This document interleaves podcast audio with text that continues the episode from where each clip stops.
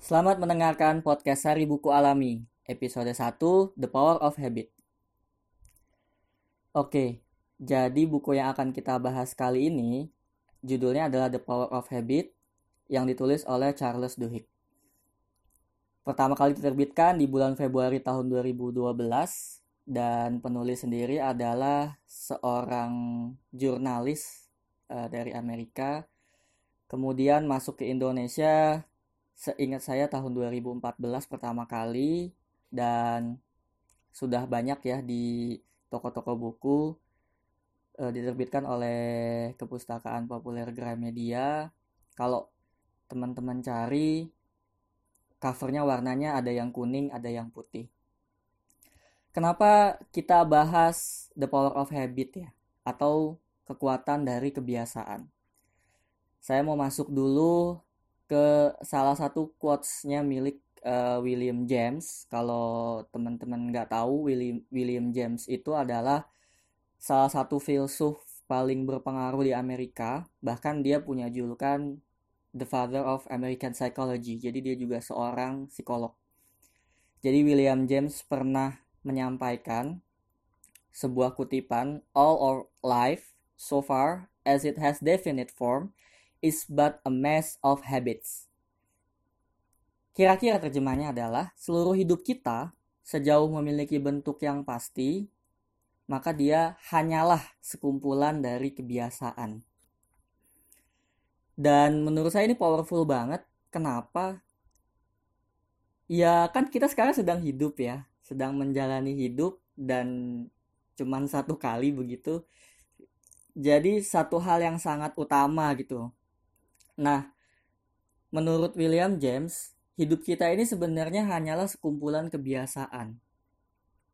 Kalau dipikir-pikir, benar juga ya. Misalnya nih, kita setiap hari bangun tidur, kemudian mandi misalnya, atau membereskan tempat tidur terlebih dahulu, kemudian mungkin ada yang ibadah, ada yang mulai olahraga, ada yang mulai masak mungkin, dan itu ketika dilakukan terus menerus setiap hari itu tuh seperti sudah otomatis begitu.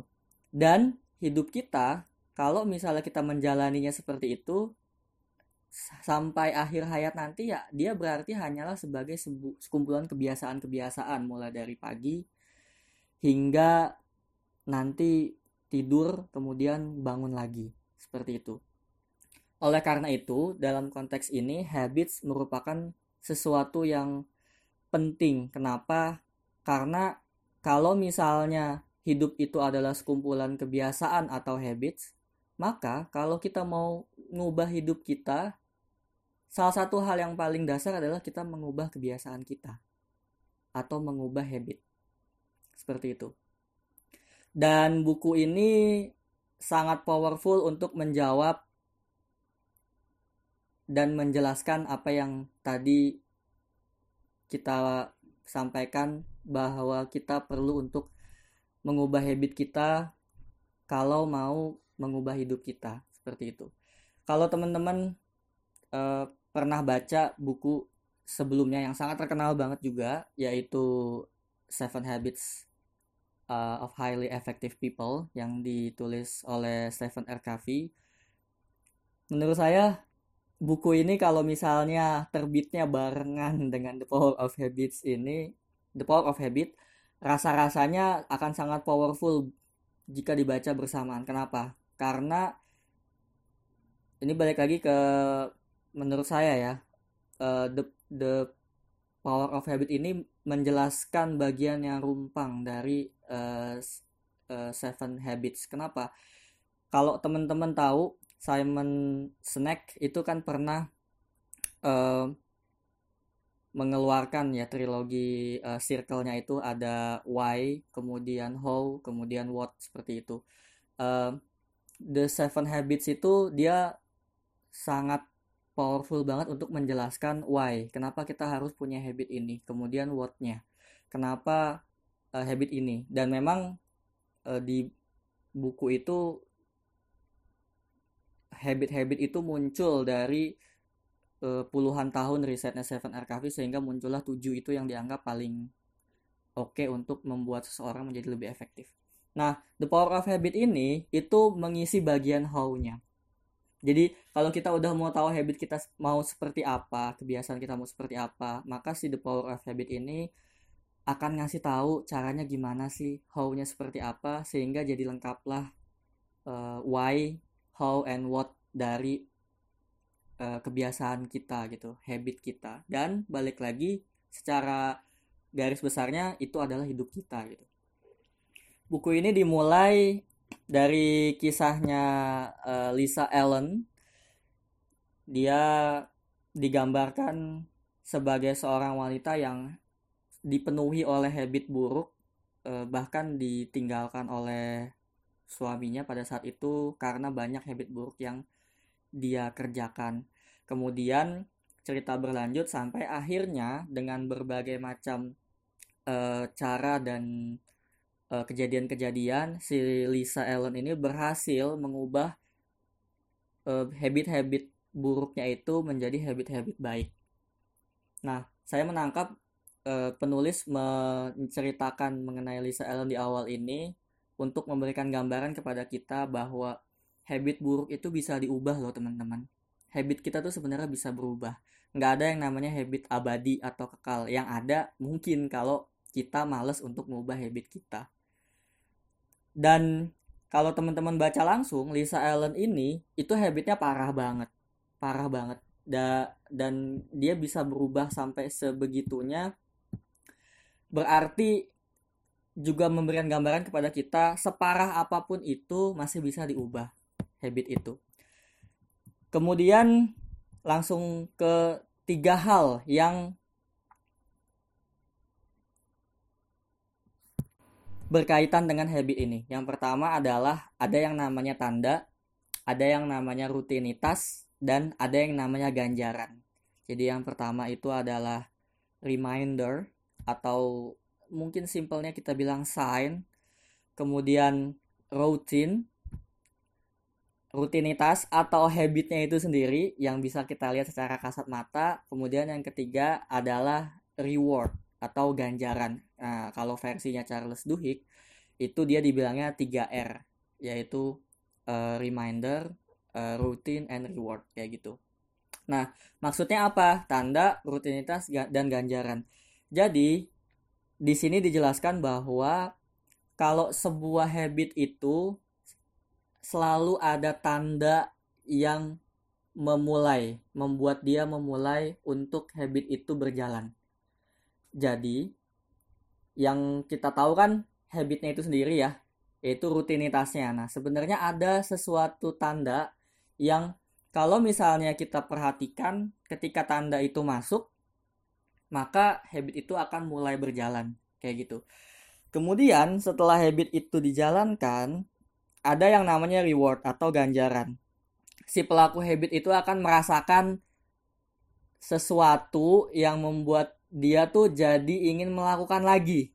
Kayak gitu. Itulah kenapa habit itu jadi dilakukan terus-menerus sampai akhirnya menjadi kebiasaan di dalam hidup kita. Aktivitas itu ya maksudnya karena kita ada merasakan sesuatu entah itu sifatnya uh, feeling rasa atau ganjaran ya intinya hadiah lah bagi diri kita karena kita melakukan rutinitas itu. Seperti itu. Jadi cara kerjanya adalah pertama muncul tandanya dulu kemudian nanti si pelaku akan mulai melakukan aktivitasnya. Kalau dilakukan berulang-ulang maka dia akan menjadi rutinitas. Kemudian nanti dia akan mendapatkan ganjaran dan itu berputar terus-menerus seperti itu. Di buku ini juga digambarkan uh, berbagai macam uh, berbagai macam riset ya yang terkait dengan ini dan melibatkan uh, yang pertama itu tikus, kemudian yang kedua itu monyet. Jadi kedua-duanya mem memperlihatkan bahwa kalau hewan pun uh, dia awalnya nggak mengenal tandanya gitu ya. Tapi ketika dilakukan terus-menerus, dia akan paham ketika tanda ini muncul, maka saya harus melakukan ini dan saya mendapatkan ini. Saya akan ceritakan cerita salah satunya saja yaitu yang uh, monyet ya. Jadi yang monyet itu ada sebuah tanda ber, berbentuk uh, kubus, prisma atau tabung yang itu memberikan tanda kepada si monyet itu kalau tanda itu muncul maka dia harus menekan sebuah apa ya tombol gitu menarik uh, tom apa namanya uh, panel. Kemudian nanti dia akan keluar makanannya dia makanan dan minumannya dia. Kayak gitu. Ada jus di dalam situ. Awal-awal ketika tanda itu muncul dia nggak ngeh tuh apa ya ini maksudnya ya? Dia cuma tahu oh ini ada panel apa ya? Kalau ketika dia tarik oh keluar makanan dia. Kayak gitu. Lama-lama dia akan menyadari kalau tanda yang tadi di layar itu nggak muncul maka ketika saya tarik pun ini nggak bakalan keluar makanannya. Mak, uh, maka harus tandanya muncul dulu, maka saya akan melakukan aktivitas menarik panel, kemudian muncullah makanannya. Dan ketika itu dilakukan berulang-ulang kali, uh, si monyet ini jadi paham bahwa tandanya adalah ketika di layar itu muncul, dia akan segera langsung menarik panel dan saya akan mendapatkan makanan gitu. Si monyet itu berpikir seperti itu. Jadi sebuah kebiasaan itu akan muncul dari tadi ya ketika ada tanda kemudian ada ganjaran. Jadi ingat ada tanda ada rutinitas atau aktivitasnya kemudian ada ganjarannya atau rewardnya. Itu yang disebut sebagai the habit loop. Nah kemudian pertanyaannya gimana cara kita mengubah habit? Oke kalau misalnya kita lihat dari kasus uh, tadi yang paling mudah pertama kali diidentifikasi adalah rutinitasnya kan atau aktivitasnya ya kan? Sama kayak kalau kita ngeliat orang oh dia kok gini sih kebiasaannya. Nah itu sebenarnya adalah rutinitasnya kan. Sehingga ya sudah kita mulai saja dari yang paling mudah kita identifikasi apa rutinitas atau habit yang mau diubah itu sendiri. Kayak gitu. Jadi langkah pertama yang perlu dituliskan adalah rutinitasnya apa atau habitnya apa yang ingin diubah. Kemudian kita harus mencari tandanya. Kita harus mencari tandanya atau reminder atau cue. Tandanya apa sih yang ada di uh, kepala kita atau uh, sesuatu yang memunculkan tanda itu. Nah, di sini dijelaskan bahwa setidaknya ada lima hal yang dapat membantu kita untuk mengidentifikasi tanda. Yang paling pertama adalah waktu. Kalau uh, saya jadi ingat uh, mengenai bukunya uh, buku biografinya Muhammad Hatta ya. Uh, di salah satu ceritanya adalah ketika beliau diasingkan itu beliau itu selalu di waktu yang sama di sore hari itu keluar untuk berkeliling kebun e, di sekitar tempat pengasingannya. Sehingga kar e, karena sering berkeliling itu lama-lama para e, petani dan pekebun ya istilahnya ya yang ada di sekitar situ dia jadi jadi jadi menyadari kalau Bung Hatta udah lewat nih berarti udah jam segini.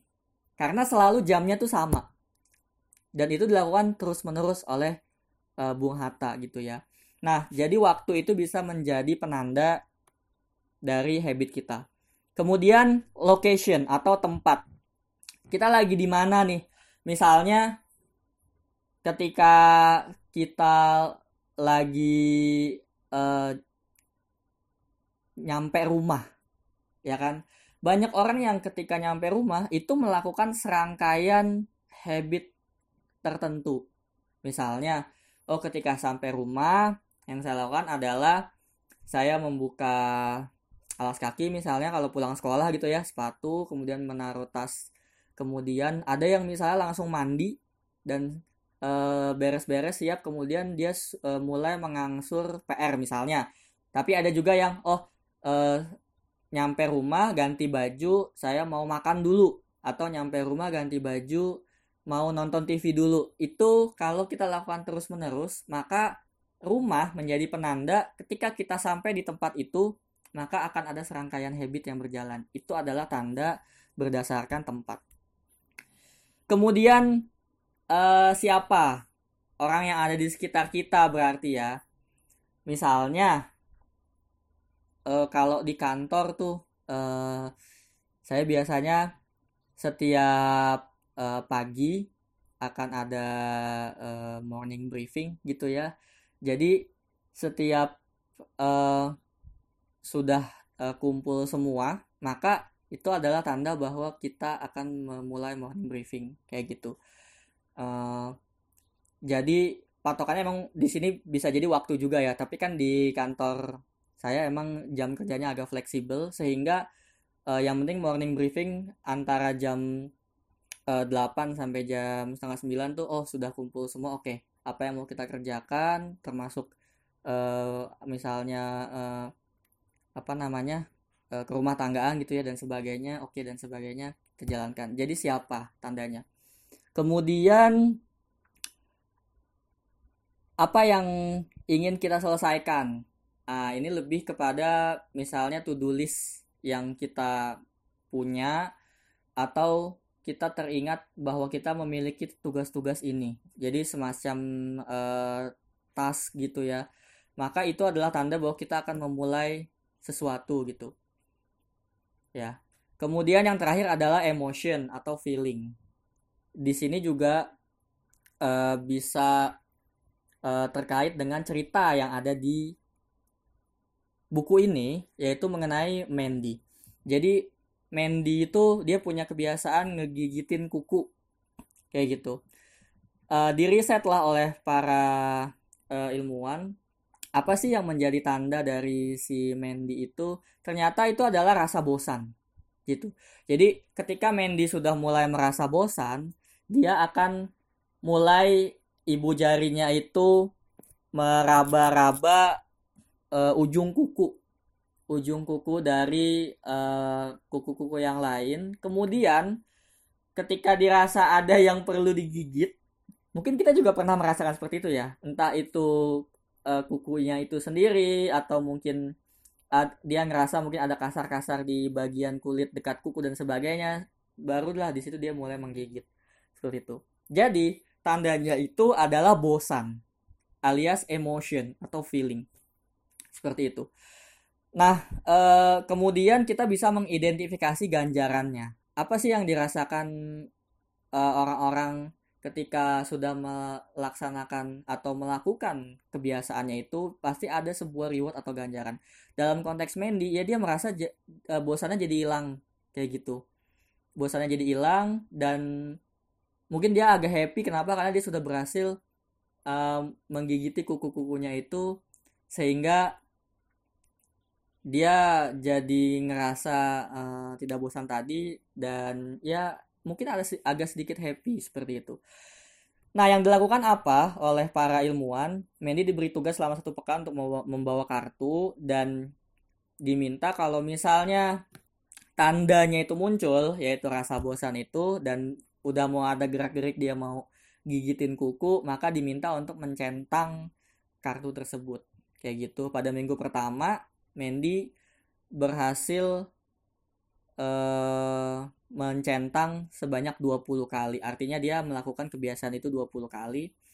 Kemudian ada perubahan, kan ada proses kita ingin mengubah ya. Nah, diminta pada percobaan di pekan kedua, Mandy diminta untuk kalau misalnya tanda itu muncul, dia coba uh, lakukan hal yang membuat tangannya itu sulit untuk diakses.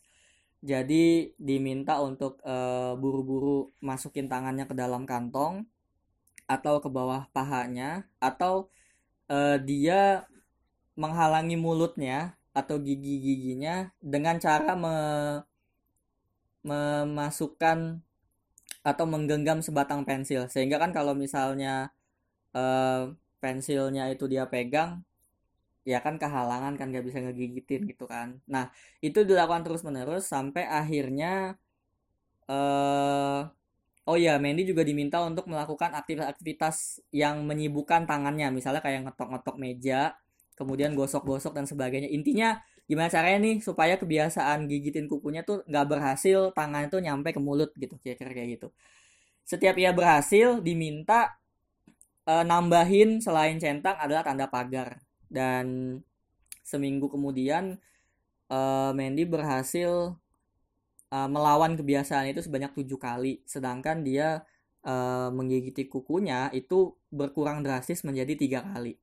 Setelah sebulan kebiasaan buruknya itu hilang sama sekali. Nah kalau misalnya kita perhatikan berarti kan rutinitasnya adalah menggigiti kuku kemudian uh, remindernya atau tandanya adalah ketika dia mulai bosan dan memegang-megang uh, kuku-kukunya yang lain dengan ibu jari.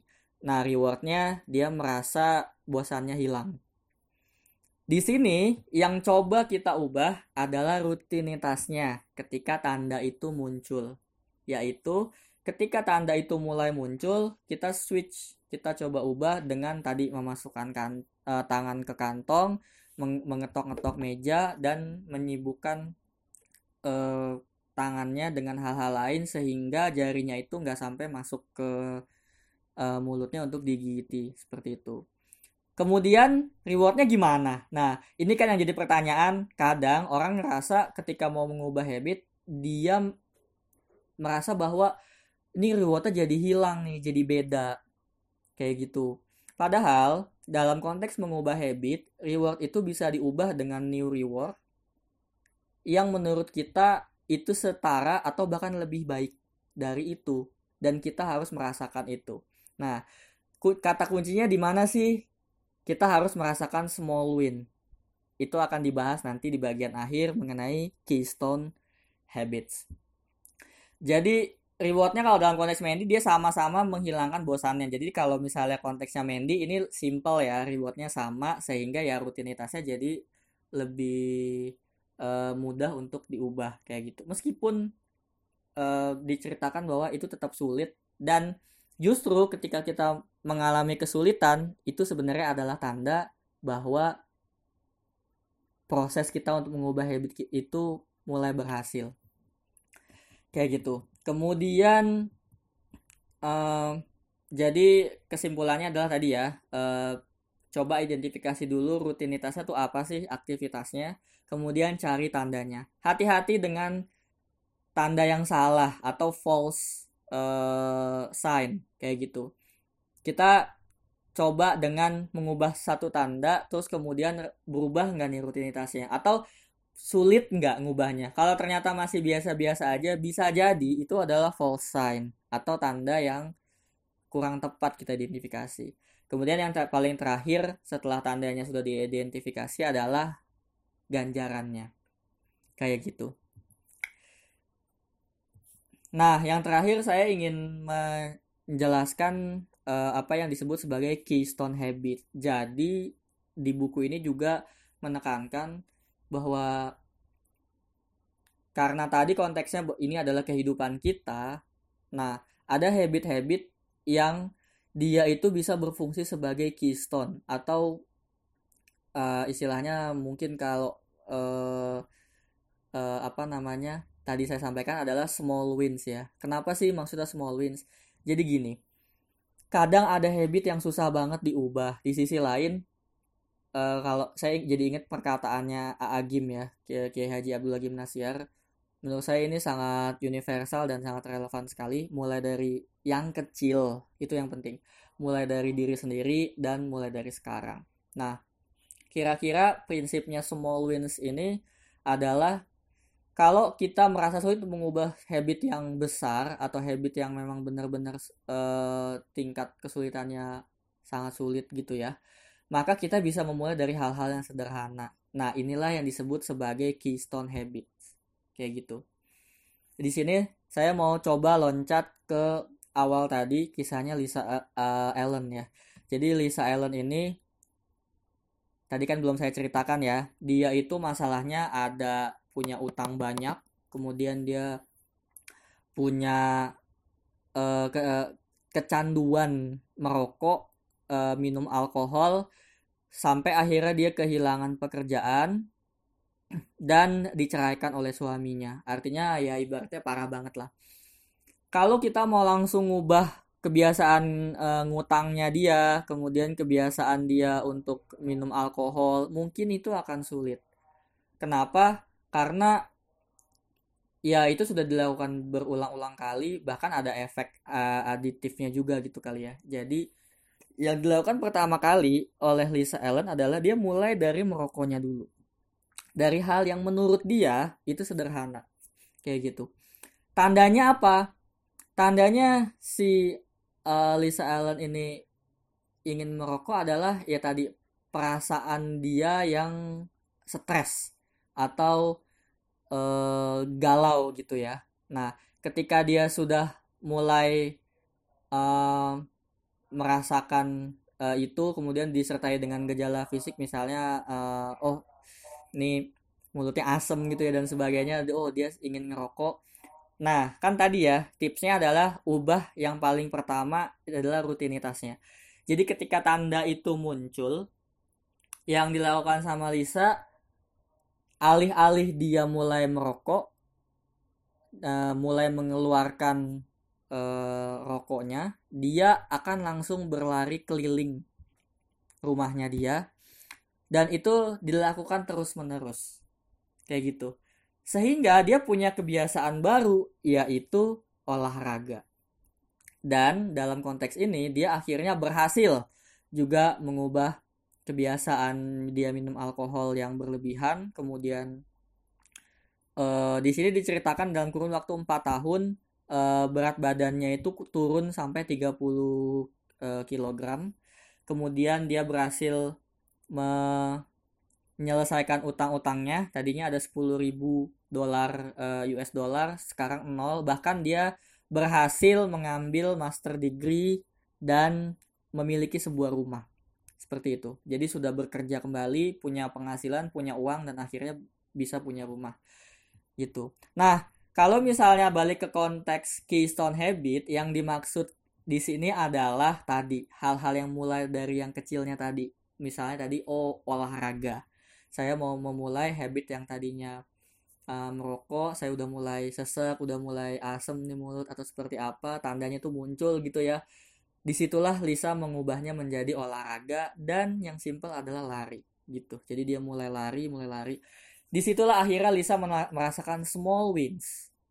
Nah, small wins inilah yang akhirnya me sedikit demi sedikit mengubah hidup kita sampai akhirnya hidup kita mengalami kemenangan yang besar atau uh, big wins kayak gitu. Sebenarnya ada istilah lain yaitu quick wins. Jadi small wins, quick wins itu nanti ada di pembahasan buku berikutnya gitu ya. Ada buku yang memang membahas mengenai itu. Untuk yang sekarang uh, itu saja dulu.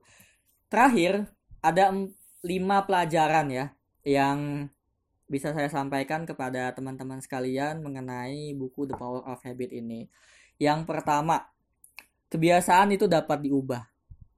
Ya, jadi kalau misalnya ada yang merasa saya kok gini-gini aja hidupnya, terus ini kok banyak kebiasaan buruk dan sebagainya. Tenang aja teman-teman, separah apa pun itu, itu dapat diubah.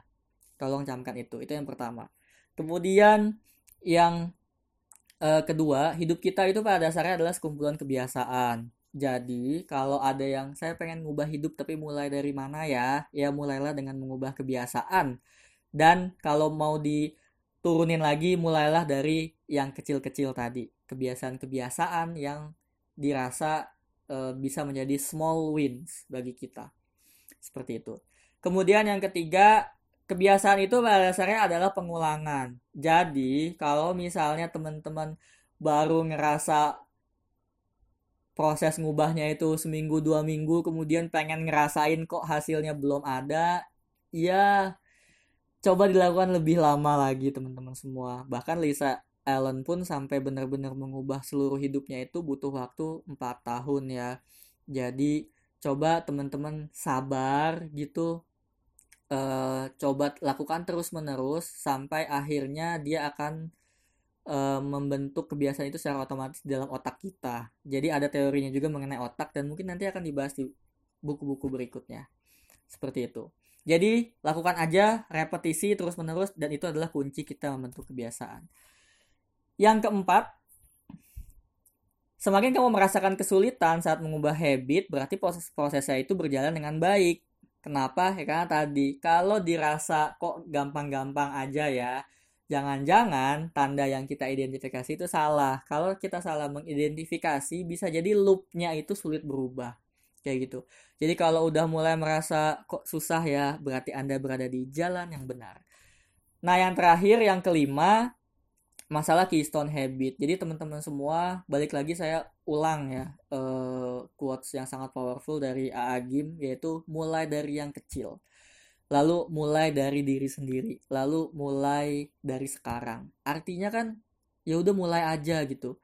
Kita nggak usah mikirin macem-macem banyak banget. Ya udah kita mau mulai dari satu dulu aja nggak masalah. Yang penting mulai sampai akhirnya kita punya yang namanya small wins. Dan biasanya kalau kita udah mulai merasakan satu kali menang itu kita akan mulai rindu kepada kemenangan-kemenangan berikutnya. Itu konteksnya kan behavioral banget ya. Itu banyak juga dijelasin di buku-buku uh, terkait behavior gitu.